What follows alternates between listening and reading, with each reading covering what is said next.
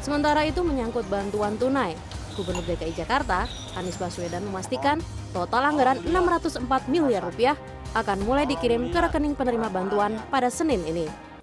yang dari Pemprov DKI Jakarta eh, transfer akan dilakukan besok melalui eh, rekening penerima sehingga mereka akan langsung bisa menerima di rekeningnya masing-masing.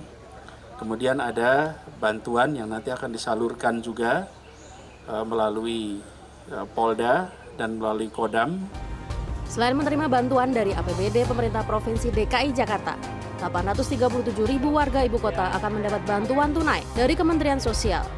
Warga juga akan memperoleh pembagian beras yang disalurkan melalui Polda Metro Jaya dan Kodam Jaya. Tim Liputan, CNN Indonesia.